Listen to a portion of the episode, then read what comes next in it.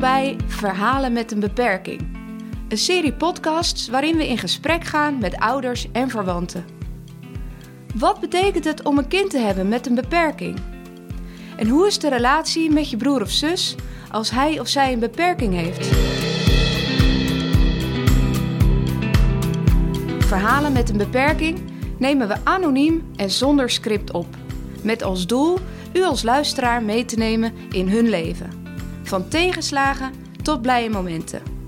We hopen dat je steun hebt aan deze bijzondere ervaringsverhalen.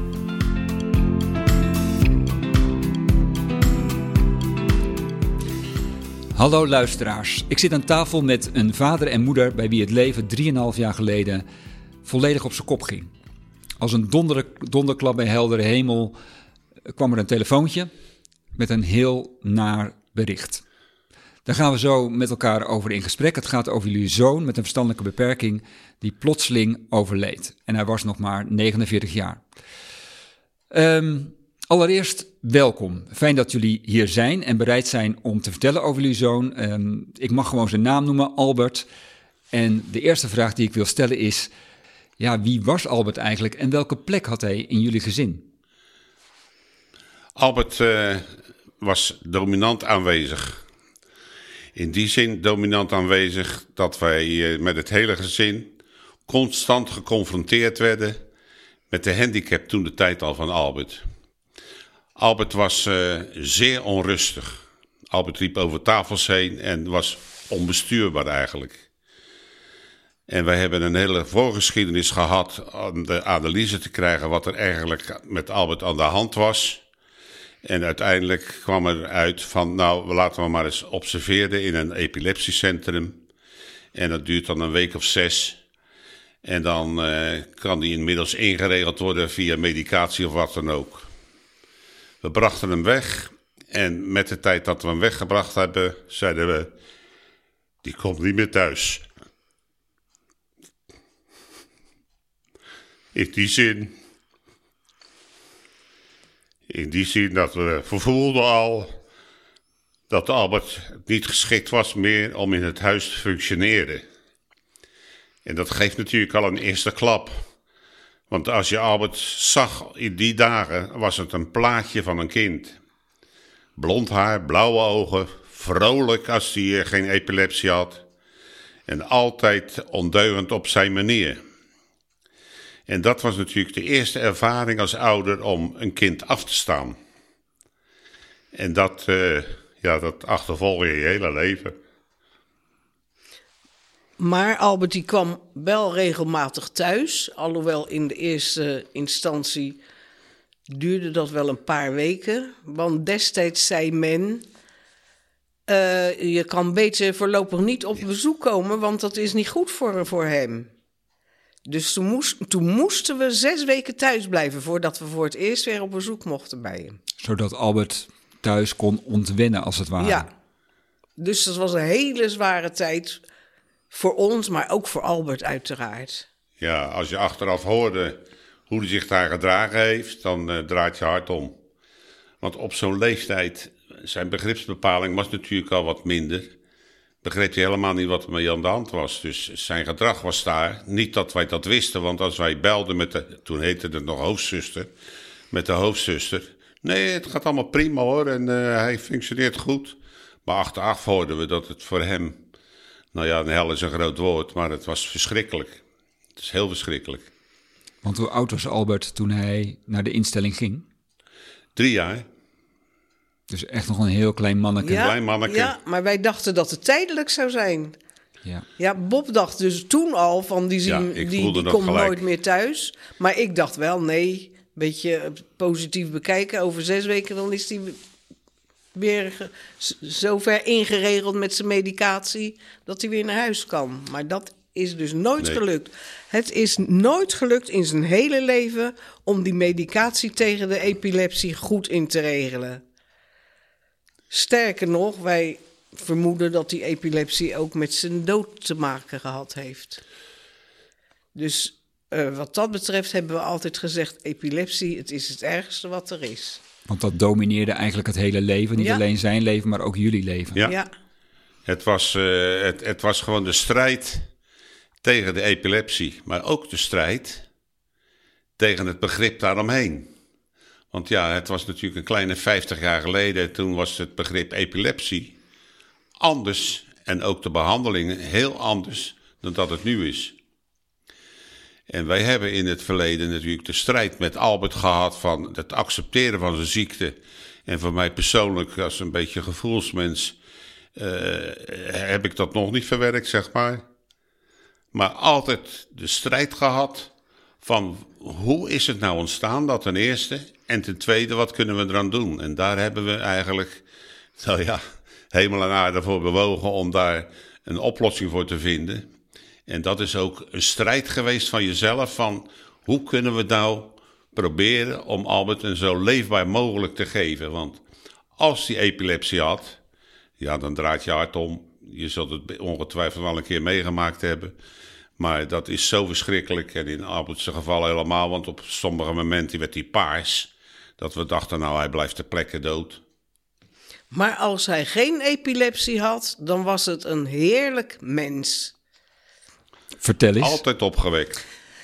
Uh, we, uh, nu sla ik even een heel groot stuk over. We, we, zijn natuurlijk inmiddels oud, we hebben kinderen, we hebben kleinkinderen. Die kleinkinderen die vonden het ook altijd geweldig als Albert dan kwam. Want bijvoorbeeld met Moederdag, dat was omstreeks zijn verjaardag, dan haalden we Albert naar huis en dan gaven we de kinderen en de kleinkinderen een seintje van jongens, Albert komt. Nou, ze wisten niet hoe gauw ze nou toe moesten komen. Er was ook een keer, toen kon hij wegens epilepsie niet komen. De kinderen en de kleinkinderen hadden er allemaal op gerekend. We hebben negen kleinkinderen. En dat was zo'n teleurstelling voor hun. Wat maakte, wat maakte Albert zo innemend? Eigenlijk zijn humor. Hij was reuze humoristisch. Kon je ook plagen. Ze ondeugd ook, hè? Hij ja, ondeugend, ondeugend en plagen. En dan kon hij zo heerlijk genieten, want hij mocht dan van ons wel eens een sigaretje opsteken. Nou, dat vond hij ook geweldig.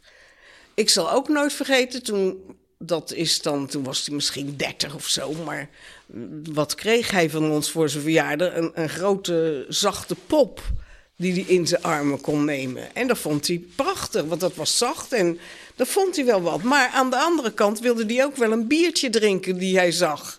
Dus in zijn ene hand had hij die pop zo geklemd en in de andere hand het biertje. Prachtig vonden we het. Ja, de stoere man en ook het kleine kind tegelijk in één persoon. Ja, hij is natuurlijk nooit de leeftijd te boven gekomen van 2,5, 3 jaar, geestelijk. En als je dan een grote vent ziet van, uh, van uh, 85, 90 kilo. En, en je ziet dan zijn gedrag. Dat geeft ook iets vertederends. Want dat was vertederend wat hij deed. Ook dat, dat biertje drinken, want uh, wist hij eigenlijk wat bier was. Maar iedereen dronk een biertje toen de tijd. En hij ook een biertje en een sigaretje. En het sigaretje had hij dan op een bepaalde manier had hij dat vast tussen die twee lange vingers van hem. En dan zat hij zo een beetje te blazen. En ja, daar genoot hij van. Maar ook, zijn, ook. Zijn, zijn, zijn, neefjes en zijn nichtjes. Die vonden dat prachtig. Ja, en dan, uh, dan ineens zei hij van, uh, ik snij je oren af hoor, of zo. Of ik ben de dokter. Oh ja. ja. Dat vinden kinderen op die leeftijd ook leuk. Ja, ja. Dus hij was in die zin ontwapenend. En, en dan Absoluut, is ja. die schrille contrasten tussen die ziekte van hem en het gewone functioneren is dan heel groot. En dan was hij thuis geweest, ja, en dan moest hij weer naar huis. Of, wij noemden dat, je gaat weer naar je huis toe, want ons huis was zijn huis niet meer. Nee. Hij zei het wel, mag ik bij jou komen slapen? Maar zijn huis was natuurlijk waar, en dat probeerden we ook te propaganderen, want dat was ook zo natuurlijk. Ons huis was niet meer zijn huis. De plek op de instelling, wat we nu zorgpark noemen, dat was zijn thuis. En bij jullie was hij dan aan het logeren. Ja, ja. En dat, ja, dat hebben wij altijd wel een beetje nou, gepro gepropagandeerd, is een groot woord. Maar we altijd gezegd, omdat hij anders op twee benen gaat staan, als het ware. Van ja, waar hoor ik nou eigenlijk? Maar hij hoorde, hoe schril het ook is, hij hoorde bij de zorginstelling. Maar wij hebben ook altijd gezegd dat hij verstandelijk gehandicapt is. Dat hebben we geaccepteerd. Ja. Maar die epilepsie, niet. Dat is verschrikkelijk. Wij vinden het, het erger dat iemand epilepsie heeft, in zijn geval dan in ieder geval. Dan het feit dat hij verstandelijk gehandicapt was. Ja, dat wil ik ook nog even zeggen. Ja, en waar, waar zit het verschil? Want je zou kunnen zeggen, eh, zowel het verstandelijk gehandicapt zijn als de epilepsie is allebei een beperking van het leven. Ja. En toch maken jullie daar duidelijk onderscheid in. Nou, wij, wij denken dat Albert zelf niet zo'n last had van die beperking van zijn verstandelijke handicap. Dat, dat realiseerde hij zich niet. Hij was gelukkig met uh, kleine dingen. Maar als hij dan een epilepsieaanval kreeg, waar hij bij op de grond lag te stuiteren en dan, wat mijn man net zegt, bijna geen adem kreeg, ja, dat was. En dan was hij daar dagenlang echt beroerd van. Ja. Ja, en, en dan moest je je kind afgeven bij de instelling. Zo beroerd dat ze met z'n tweeën en wij nog een beetje duur erbij naar binnen brachten. En dan geef je wat af. Dan geef je je kind af aan een ander. En dat doet zo'n pijn. Ja, dat hebben we eigenlijk. Oh. Ja, dat. Uh... Dat is vreselijk. Want daar heb je geen kind voor eigenlijk. En dan zijn we wel, ah, daarnaast zijn we wel weer dankbaar natuurlijk dat hij dan weer zo opgevangen werd. Want daar hebben we totaal geen kritiek op, hoe dat gegaan is. Uh, ik, ik zou veel meer kritiek hebben op alles wat er omheen zit van de organisatie dan de echte directe leiding. De directe zorg. Daar, daar, daar gebeurt het. En die geven de zorg. En wij hebben natuurlijk, uh, ja, wij zijn toch allebei een beetje kritische ouders. Wij hebben wel een behoorlijke strijd geleverd hoor. Zowel uh, de eerste instelling waar die was, als waar de laatste instelling. Dat uh, hebben we natuurlijk alle bezuinigingen enzovoorts meegemaakt. En buiten alle smart die je dan hebt, wil je dat dat goed geregeld is. Dat is dat gevecht voor je kind om het goed op orde te krijgen. Voor je kind, maar voor de zorg van het kind, maar ook de zorg van degene die die dagelijkse zorg geeft. En daar hebben wij ook heel veel pijn mee gehad, want die wilde zo verschrikkelijk graag allerlei dingen doen. En als er dan van bovenaf van het management nee wordt gezegd, op bepaalde dingen, ik zal niet in details treden, nou, dat vind ik dan ook heel net zo erg. Ja, dat vind ik zo verschrikkelijk. Dat gaat en daar hebben we een mevrouw, die is 15, 16 jaar uh, bij de uh, bewonerscommissie geweest. Ouderenvereniging. Ouderenvereniging. En dan moet je ook de strijd voeren van, joh, kan het niet anders? En dan heb je het gevoel, buiten alles wat je met de zoon gebeurt enzovoort, dat je tegen een betonnen muur oploopt van een meter dik. En dat, dat is ook erg, ook voor de ouders hoor, want we hadden natuurlijk veel contact met de ouders ook. En dan krijg je een soort machteloosheid. En dat is, uh, dat is buiten al je leed wat je hebt, is dat ook uh, heel moeilijk om dat te accepteren toch moet ik zeggen dat ik uh, ook eigenlijk mijn leven lang min of meer een schuldgevoel heb gehad. Dat, wij, dat hij zo jong was, dat hij toen al eh, in een instelling was en dat hij daar zijn leven lang is gebleven. Ja, het, en dan denk ik, konden wij, hebben we dat dan zelf niet op kunnen vangen op de een of andere manier? Een stuk zelfverwijt.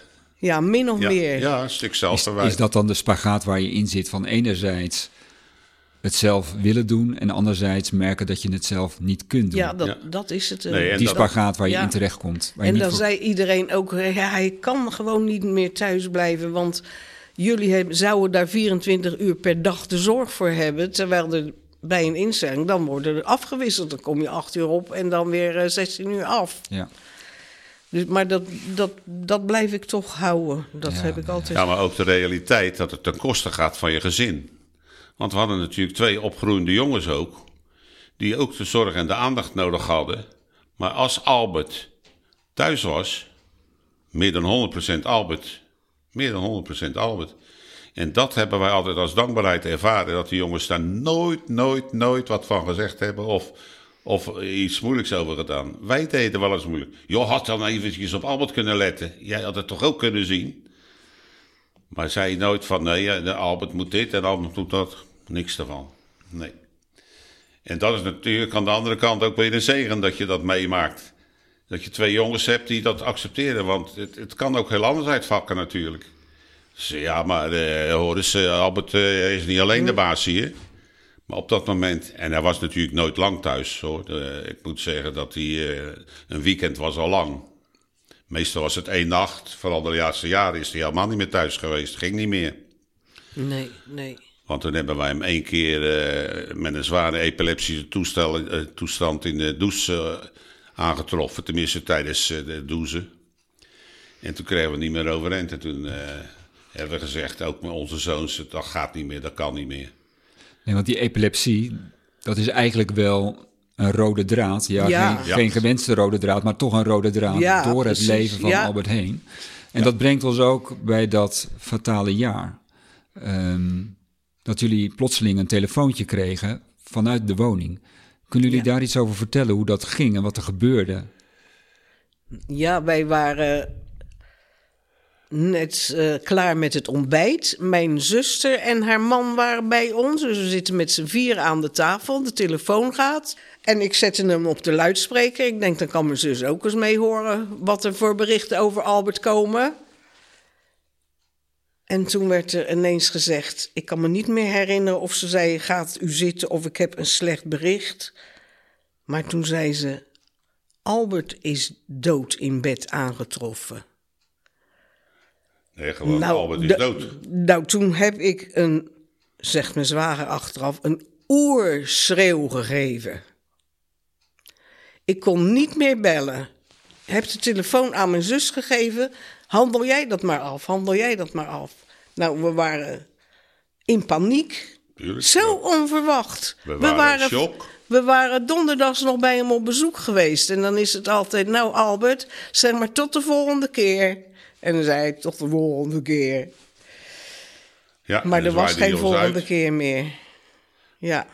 Ja, dat is dus de laatste keer dat wij hem nog levend gezien hebben, op die donderdag. En hij is zondags overleden. En dan uh, ook de leiding, dat vond ik ook zo verschrikkelijk. Die hadden de, de, de zaterdagavond daarvoor oh, ja. nog een hele vrolijke avond met hem gehad. Hij was uitermate vrolijk. Of dat ergens mee te maken hadden, de geschiedenis vertelt dat niet. Maar ze hadden verschrikkelijk veel schik. Nou Albert, en nu gaan slapen, want nou is het wel weer eens genoeg geweest. En de volgende dag, dezelfde persoon ging hem wakker maken. Tenminste, dat dacht hij. En toen vond hij Albert dat hij overleden was. Nou, die heeft natuurlijk ook wat meegemaakt. Dat vond ik verschrikkelijk. En uh, nou ja, toen, toen zijn wij gebeld en, en, die, die klap, dat is eigenlijk onvoorstelbaar wat voor klap je dan krijgt. Nee, dat kan niet. Albert kan niet dood zijn. Maar het was wel zo. En dan heb je het weer het gezinsleven dat wij hadden. gelijk de jongens enzovoorts uh, paraat staan om ons er naartoe te brengen enzovoorts. En uh, ja, zo is het ook gegaan en met, uh, met de begrafenis enzovoorts. Maar wat ook vervelend maar is. De shock is enorm. En eigenlijk, als je eraan terugdenkt, heb je dat nog steeds zo. Dat je denkt, hoe is het nou toch mogelijk? En aan de andere kant, hoe vreed het ook klinkt, hebben wij wel al gezegd tegen elkaar, ook wel tegen de leiding. We hopen maar dat hij eerder gaat dan wij. Ook gezien de geschiedenis en de strijd die je moet leveren om de zorg voor elkaar te boksen die hij nodig heeft. En uh, ja, dat is, dat is dan eigenlijk gebeurd. Eh, de, de, realiteit is wel iets anders, maar toch, nu ook met al die coronatoestanden, ja. zijn we dankbaar eigenlijk dat hij toch eerder is overleden. Want hij had dit niet begrepen en kunnen verwerken, denken wij. En ja, dat is dan toch weer een geluk bij een ongeluk, zeg ik wel eens. Dan ben je eigenlijk blij dat hij dit allemaal niet meer hoeft mee te maken. Wij zijn blij dat hij dit allemaal niet blij. heeft. Uh, dat, want hij had er niks van begrepen. Want als hij in lockdown moet, nou, dat hadden ze nooit voor elkaar gekregen. Dan hadden ze hem echt plat moeten spuiten, denken wij. Want als we even blijven bij dat overlijden, want je krijgt zo'n telefoontje, je wereld staat op zijn kop. Je bent in shock, zoals je het dan zegt. Ja, min of meer. De andere zonen staan voor je klaar. Wat gebeurt er dan allemaal? Wat, wat, wat, wat, wat, wat, wat moet er allemaal geregeld worden? Waar, waar, waar, waar moet je je aandacht aan geven en hoe doe je dat emotioneel? Ja, dat gaat eigenlijk als een film langs je heen. Ja, je bent in een... Het wonderlijke. Op een gegeven moment dan, dan ga je zelf ook weer functioneren. En dan denk je, ja, dan moet het een en ander geregeld worden. En dat, dat, dat gaat dan ook zo. In een, in een roes maak je dat mee. En dan een paar keer heen en weer rijden. Een paar keer Albert nog ontmoeten op zijn bed of wat dan ook. En, afscheid nemen. een, een soort interne dienst. Maar je gaat eigenlijk min of meer op de automatische piloot. Ik vond het ontzettend fijn dat mijn zus en haar man bij ons waren. Dat die eigenlijk een hoop dingen over hebben kunnen nemen. Want na dat ontbijt kwam ook de koffie en daar zouden mijn andere, mijn broers weer bij komen met de vrouw. Het zou wel dus die, die heeft mijn zus allemaal uh, te woord gestaan en, en onze zoons waren er en onze kleinzoon die dat bericht ook had gekregen, die kwam ook langs. Het was een, we zaten ineens met een vol huis min of meer. Ja. Ook een beetje onrealistisch. Ja, we hebben een warm nageslacht en dat is natuurlijk ook eh, heel wat waard. Als er wat is eh, in het afgelopen weekend, eh, was er ook een beetje paniek. En dan staan ze allemaal voor je klaar om, om je weer te helpen. En dat is, dat is wel mooi. Dat is precies wat je op dat moment nodig hebt. Familie om je heen, mensen die je begrijpen, mensen die er voor je kunnen zijn. Ja. Hoe was het om Albert te zien nadat hij was overleden? Ehm, ik wilde graag naar hem toe toen we aankwamen, maar ik werd tegengehouden. Toen had ik hem graag nog even willen zien zoals hij was, zoals hij aangetroffen was. Want dat hoorden we ook, dat er nog politie aan te pas was gekomen. Omdat ja, ze moeten toch ieder misdrijf uitsluiten. Dus hij, ze hadden nog niets eh, aan hem kunnen, kunnen, doen om hem uh, af te leggen, heet dat geloof ik. En ik had hem graag toch nog eens zo gezien, maar ik werd tegengehouden door de begeleiders en door mijn uh, man en mijn kinderen. En dat vind ik tot eigenlijk jammer. Ik had hem willen zien zoals de anderen hem aangetroffen hebben. Ja, maar hij lag in het bloed en zo. En dat hebben ze je maar, bespaard.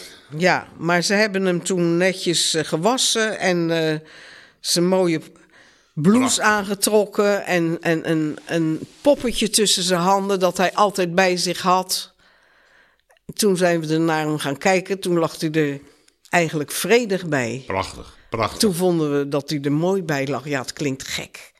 Maar nee, hou ik hem ook voor ja. Ik heb ook nooit meer gekeken in de kist of wat dan ook. Alleen maar op het bed. Ja, en toen lag hij er mooi bij met zijn geruite overhemd. En wat mij dan ook opviel, dat hij helemaal koud was. Er zat geen warmte meer in, hij was koud. De dood is koud. Ja, toen heeft de begrafenisondernemer hem nog meegenomen voor het een of het ander. En die dagen daarna kwamen we weer en toen zag hij er dan weer iets opgezet. Had hij meer opgezet hoofd eigenlijk. Maar ja, dat zijn details.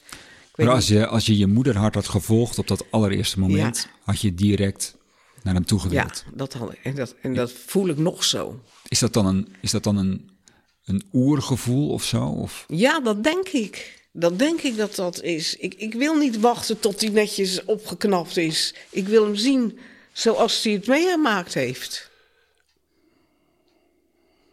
Maar het is niet anders. Ik kan me voorstellen dat dat ook wel kenmerkend is voor die dagen. Uh, dat je heel snel dingen moet beslissen. Dingen die niet meer over ja, kunnen. Ja. Dat moment moet je de keuze maken. Ga je wel, ga je niet? Jij wilde wel. Jullie keken er anders naar, andere beoordeling. Maar je kunt maar één ding besluiten en het moet op dat moment. En dat, dat is onomkeerbaar. En dat is onomkeerbaar, ja. ja. Is dat kenmerkend voor zo'n week? Dat er heel veel besluiten in een hele korte tijd genomen moeten worden? Uh, er moesten veel besluiten genomen worden, maar dat ging eigenlijk in, dat ging allemaal in goede harmonie. Daar waren we allemaal met elkaar eens hoe de boel geregeld is. Ik vond dat het uh, allemaal perfect geregeld is, ja. ja. Want wat is het belangrijkste in dat afscheid nemen? Wat is het belangrijkste in die week? Nou, het belangrijkste is dat eigenlijk, tenminste zo heb ik het ervaren dat je al die mensen om je heen, ook de begeleiding enzovoorts, dat die uh, met 100% aanwezig waren. En dat heeft mij enorm gesteund. Wat leefden die mensen allemaal ontzettend mee, ja. Dan denk ik, hoe is het mogelijk? Het is toch voor je een vreemd bloed. Maar ze dat, dat ze die warmte geven aan jouw kind. Nou, dat, dat, dat vind ik geweldig, geweldig. Wanneer is een zorgmedewerker, wat jullie betreft, een goede zorgmedewerker? Dus iemand van de woning of iemand van dagbesteding? Die uh, de liefde en de aandacht voor je kind op kan brengen, maar ook voor de ouders. Want het is een wisselwerking. Natuurlijk dat je zoon dus prioriteit één dat hij goed verzorgd wordt. Maar wij kwamen altijd met een gespannen gevoel bij hem op bezoek. Want wat zou er zijn en wat is er gebeurd in die 14 dagen? Consequent om de 14 dagen naam toe. En als het nodig was, waren ze eerder meer, maar altijd trouw om de 14 dagen. En altijd, ook als de telefoon ging, dat was ook de dag van zijn overlijden. Oh jee, de afdeling. Wat zal er zijn? Nou ja, dat, eh, dat hebben we dan verteld hoe uh, desastreus dat was. Maar die spanning heb je constant. Die is er altijd. Altijd. Bij mij zeker aanwezig. Zij kan wat, wat meer relativeren dan ik. Maar eh, bij mij is het altijd die spanning. Oh ja, wat zou er nou weer zijn? En als ze belden, dan was het meestal ook wel wat. Dan had hij of weer een toeval gehad, of hij was weer in het ziekenhuis, of hij had weer een gat in zijn hoofd gevallen. En eh, er gebeurde altijd wel wat natuurlijk. En vooral de laatste jaren is hij eh, ook lichamelijk achteruit gegaan. Want hij heeft natuurlijk hele mooie periodes gehad ook. Hij heeft één jaar in zijn leven gehad, en dat zal ik nooit vergeten, dat hij uh, praktisch epilepsievrij was. Eén jaar in zijn leven. Was hij nog erg jong? Toen was hij nog erg jong. Dat was nog in de vorige instelling. Ja, Ging je toen haast een beetje hopen van, komt hij er vanaf? Of heb je dat Ja, dat dachten wij destijds. Want hij kreeg medicijnen. Hij zat er in de epilepsiecentrum. Hij kreeg medicijnen. En toen was hij eh, een jaar, bijna een jaar aanvalsvrij. Dus we dachten, het gaat de goede kant op. Maar dat is toch... Uiteindelijk is dat nooit gebeurd. Nooit gebeurd, nee. nee. Dat is alleen maar erger geworden. Het is in de loop der jaren veel erger geworden. Veel heftiger, veel langer, veel gevaarlijker ook. Maar wij weten ook nog steeds niet 100% waaraan die overleden is.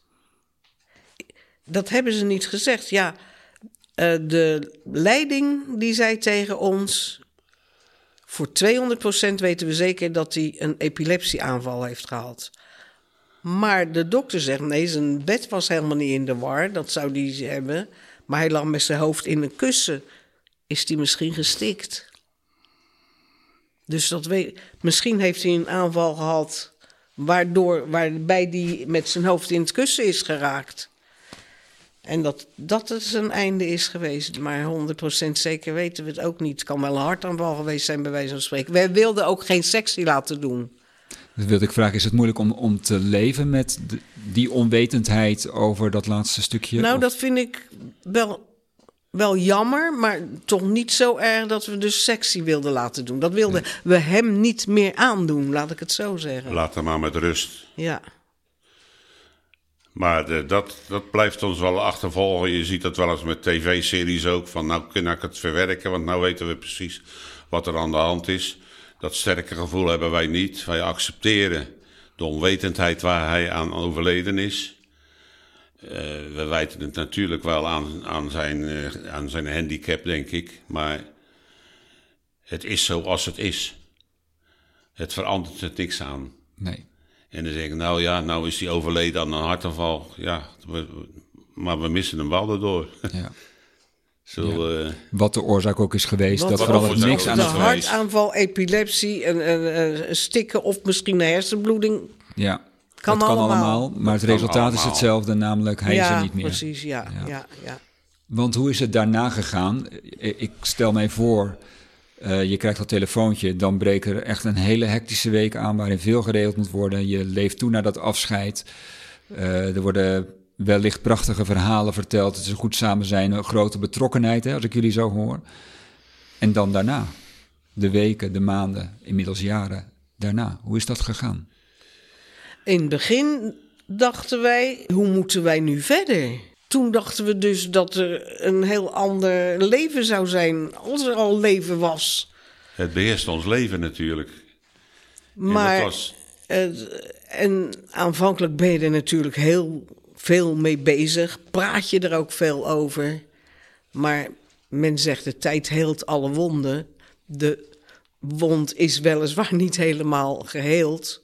Maar het wordt toch, de scherpe randjes raken ervan af. En we zien dus inderdaad nu de positieve, min of meer positieve dingen. Dat hij die coronatijd niet mee hoeft te maken. Maar we staan er nog wel vaak bij stil. Ja, kijk, hij is natuurlijk dagelijks in je gedachten. Zou je kunnen zeggen dat op zo'n dag, zo'n dag dat je afscheid neemt, dat verhalen verteld worden, dat dan ook de betekenis van zijn leven zichtbaar wordt? Je vroeg net van, we hebben ons wel eens afgevraagd van waarom was hij er? Maar misschien wel op zo'n dag dat de betekenis van wat hij betekend heeft voor andere mensen en andere mensen voor hem, dat dat, dat wat woorden kreeg, zichtbaar werd? Of zeg ik dan te veel? Ja, in tegenstelling heb ik me eigenlijk nooit afgevraagd van waarvoor is hij op de wereld? Hij was er met zijn handicap. En hij heeft ons, ondanks alles, veel vreugde verschaft. Niet alleen ellende, maar ook heel veel vreugde. En dat alleen al is een reden om te bestaan, vind hmm. ik. Hoe is dat voor jou? Ja, ik zie dat iets anders. Uh, de, mens is op de wereld gezet om uh, bepaalde dingen te doen en uit te dragen. En, en, uh, en de een wat meer en de ander wat minder. Maar als je die mensen die op de wereld zijn, die zo gehandicapt zijn, dan denk ik een beetje zakelijk. Maar dan denk ik, dat kost handen met geld, handen met zorg, handen met personeel. En wat is de meerwaarde daarvan? De meerwaarde daarvan is zorg. Zorg, zorg, zorg, zorg. En ik zeg niet dat het nou allemaal uh, over moet zijn. Was het nou maar waar dat het niet nodig was. Maar echt dat ik denk, nou hij heeft een zinvol bestaan gehad. Nee, in mijn optie niet. In mijn optie niet. Opmerkelijk uh, dat je het op deze manier verwoordt. Dat ik enerzijds zo'n bewogen, ontroerde man zie, zeg maar. Ja. En anderzijds, dat ze, als je het zo verwoordt zoals net, dat zakelijke aspect zo naar voren haalt. Dat dat zo samen in je bestaat. Dat uh, ja. vind ik wel opmerkelijk uh, hoe, je, hoe, je, daar woorden aan geeft. Ja. We hadden het net over, de, over die weken, die hele week waarin veel geregeld moet worden. Um, en dan is daar de, um, de afscheidsdienst. Um, ja, en daarna is er dan nog een plekje waar je naar Albert toe kan, of hoe is dat uh, gegaan? Nou, Albert is gecremeerd en dan gaat zijn as in een urn. Maar wij vonden het een raar idee om een urn ergens te hebben staan. Uh, toen zijn we, op, zijn we naar de begraafplaats bij ons in de buurt gegaan en hebben geïnformeerd of hoe dat verder kon gaan met die urn. En die hebben toen gezegd: wij kunnen een urnengraf voor hem maken. En dat is zo gebeurd. Wij, de urn is daar naar onze begraafplaats toegegaan. We hebben een mooi urnengraf voor hem laten maken. Met de mogelijkheid dat wij daar ook begraven kunnen worden. Of dat onze urn. Het is min of meer een familiegraf. Waar drie mensen in kunnen. En daar gaan we dan niet iedere week of niet iedere maand, maar zo af en toe naartoe. Met zijn verjaardag zijn we er geweest en zijn sterfdag uiteraard. maar buiten dat hebben wij ook een. Uh, gaf onze oudste zoon ons voor onze 60-jarige bruiloft een gedenkboom cadeau voor Albert. Die is nog niet zo gek lang geleden geplant. Een, een mooi plekje. En daar is dan een boom geplant. En daar staat ook een paaltje bij waarop staat ter herinnering aan Albert. Die datum en die datum. En mijn schoondochter zegt: Oh, dat is ook een fijn plekje om een feestje te kunnen vieren. En nu was mijn zoon, mijn andere zoon, weer jarig van het voorjaar. En dat hebben we zo geregeld dat we bij de boom van Albert een feestje hebben gevierd. Op afstand uiteraard. Dat wilde ik toch wel even kwijt, want daar zijn we blij mee. Want wij fietsen nog alles langs waar die boom geplant is. En die urne gaan we ook regelmatig naar het urnengraf toe. Dus zo is min of meer de cirkel weer rond voor ons. En als er feest gevierd wordt bij de boom, Kijk, dan kan je de pils nog een keer effen. Ja. En zeggen, ja. op Albert. Ja. Ehm, ik wil jullie heel hartelijk bedanken dat jullie ehm, hier aan tafel wilden zijn en over jullie uh, prachtige zoon Albert wilden vertellen. Ehm, maar ook over hoe indringend het is als je plotseling zo'n bericht krijgt dat je, dat je zoon overlijdt. dank jullie wel voor jullie openheid en uh, ja, ook dat jullie met zoveel mooie woorden uh, daarover gesproken hebben. Hebt u vragen naar aanleiding van deze podcast of wilt u graag in gesprek met iemand van Geestelijke Zorg Cirelo? Mail dan met geestelijkezorg.cirelo.nl